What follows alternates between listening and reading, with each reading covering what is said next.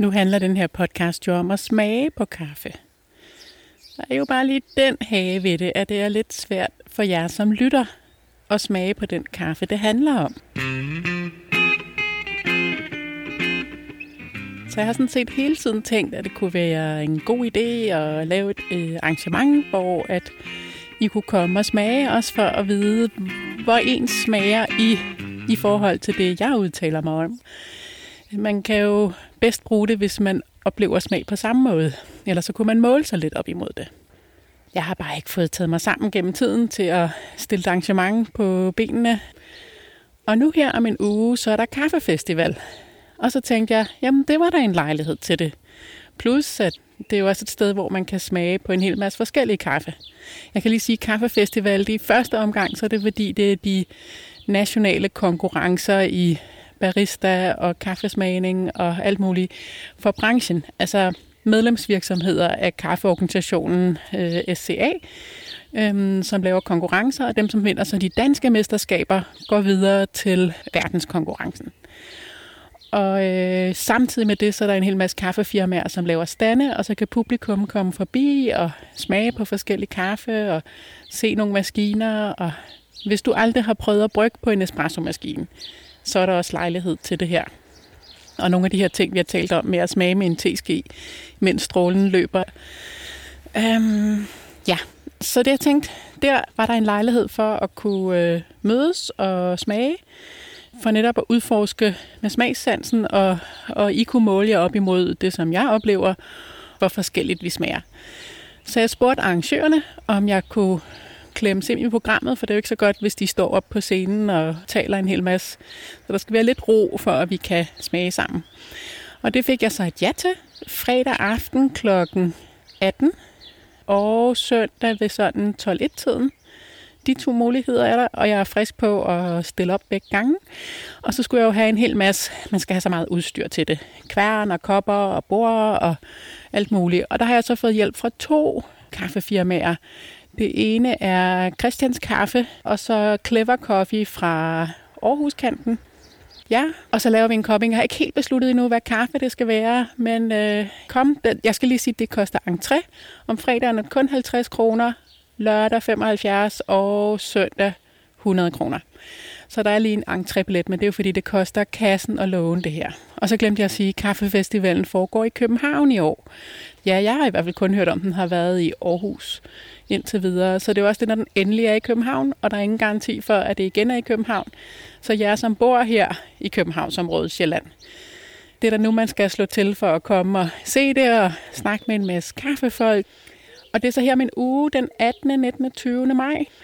Jeg lægger, lægger lidt mere information ud på øh, Smag Efter hjemmesiden smagefter.dk øh, og holder løbende opdateret derigennem.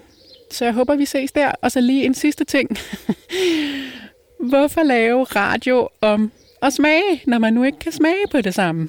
Jeg kan ikke huske, om jeg har sagt det før, men pointen er jo ligesom, at det halvdelen af smagsoplevelsen foregår ind i hovedet. Hvad er du opmærksom på? Hvad smager du efter? Og det er det radio kan, eller lyd, lydformidling kan. Det er den der, din indre stemme, som forholder sig til det, du får ind i munden. Bemærker du det, og hvad søger du efter? Og hvordan vurderer du alle, hvordan man forholder sig til det? Og det har ligesom været min pointe i den her podcast. Og selvfølgelig at vise, hvor forskelligt det er, frem for altid bare at sige, den her kaffe smager sådan og sådan, punktum. Og hvis du ikke kan smage det, ja, så er du bare ikke god til at smage, punktum. Så jeg håber, at jeg gennem tiden har inspireret til at udforske lidt mere med, øh, med smagssansen. Og fordi det er ikke så svært at blive bedre. Det er jo det, der er pointen i det. Og det håber jeg er kommet igennem her på podcasten. Og jeg håber at se jer om en uge til Kaffefestivalen i København. Og hvis vi ikke lige ses til Kaffefestivalen, så ses vi nok en anden gang. Det her afsnit udgav jeg en uge før Kaffefestivalen. Tre dage senere udgav jeg et kort afsnit mere, med nærmere detaljer på, hvad vi skulle smage til Kaffefestivalen. Her bagefter har jeg lagt dem sammen, så næste afsnit kommer nu. Selvom Kaffefestivalen for længst er slut, lader jeg de her afsnit blive, fordi der er nogle generelle pointer om at bruge smagssansen. Og så er det en optakt til afsnit 11, som handler om det, vi fik ud af smagningen til Kaffefestivalen. Man kan meget nemt gentage det derhjemme på køkkenbordet.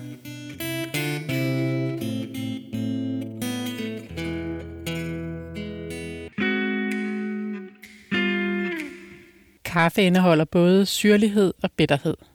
Det er så meget forskelligt, om der er mest syrlighed eller mest bitterhed.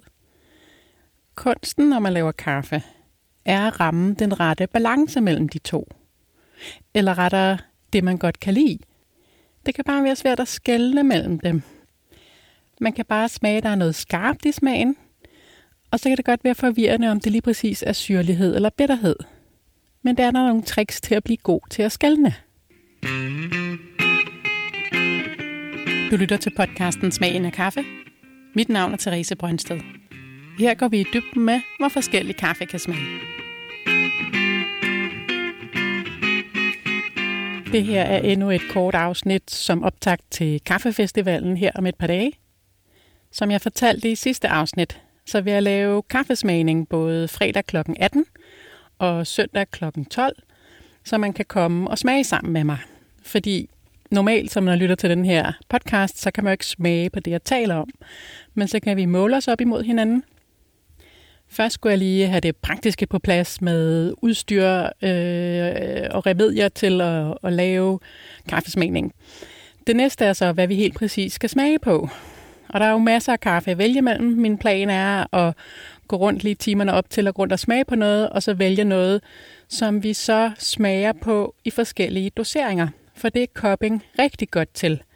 Cupping er en bryggemetode, hvor man meget nemt kan sammenligne forskellige kaffer. Og så laver vi samme kaffe i forskellige doseringer, og så smager vi på det sammen. Og så ser vi, om vi kan skubbe hinanden lidt videre. Sammenligne lidt, hvad, øh, hvad finder vi i smagen. Men så tænkte jeg på, og det er derfor, jeg starter med syrlighed og bitterhed, at den bedste måde til at blive god til at lære at skælne de to på, det er at smage dem i ren form. Jeg fortalte om det i sidste afsnit, afsnit 10 om bitterhed.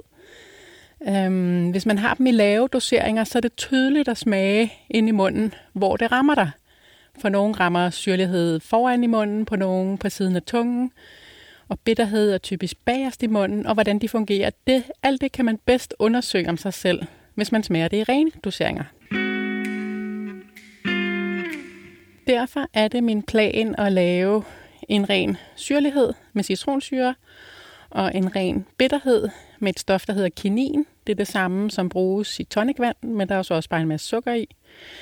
Øhm, så det har jeg også tænkt mig at forberede der til fredag og søndag. Så det var endnu en opfordring til at komme til kaffefestivalen, hvor man også kan smage en masse andet kaffe.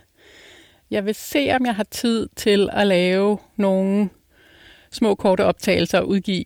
Men den måde, jeg normalt laver podcast-afsnit på, så bruger jeg enormt lang tid på at strikke et godt manuskript sammen, og hvis jeg har øh, været ude at lave smagninger med nogen, så tager lang tid at sidde og klippe ud, hvad der kan bruges, og strikke en meningsfuld historie sammen.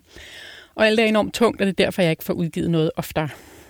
Og jeg tænker, altså, det her afsnit er det sidste, der prøver jeg bare at tale frit for leveren. og derfor er det også lidt mere ustruktureret, og så kommer jeg til at tale lidt hurtigt og sådan. Øh, men det kunne jo være, at det var noget, jeg skulle øve mig i. Hvem ved? Man kan jo gøre så meget med podcast. Øh, så det vil jeg da bestræbe mig på, men det kan jo være, at det hele drukner i praktiske ting, og til sådan en kaffefestival, der er altid en hel masse, man skal tale med, og siger hej, jeg har ikke set længe og sådan noget. Så det kan godt være, at jeg ikke har tid til det. Øh, og hvis I ser mig... Øh, jeg, hvad hedder det, jeg vil prøve at putte et klistermærke på trøjen, hvor der står øh, podcast og logoet her fra podcasten Smagen af kaffe. Og så har jeg langt brun hår. Øh, nogle gange har jeg det opsat, men jeg vil så tage det ned, så er jeg nem at genkende. Så kom hen og sig hej. Øhm, den her podcast kører jo ikke på sponsorer eller nogen penge. I betaler ikke noget for det. Den eneste, den kører på, det er hver gang nogen fortæller mig, at det fik de noget ud af, og det var tak for det. Så øh, ja, håber at se jer. Og hvis vi ikke lige ses til kaffefestivalen, så ses vi nok en anden gang. Mit navn er Therese Brøndsted. Nogle drikker kaffe for at komme gennem dagen. Andre kommer gennem dagen for at drikke god kaffe.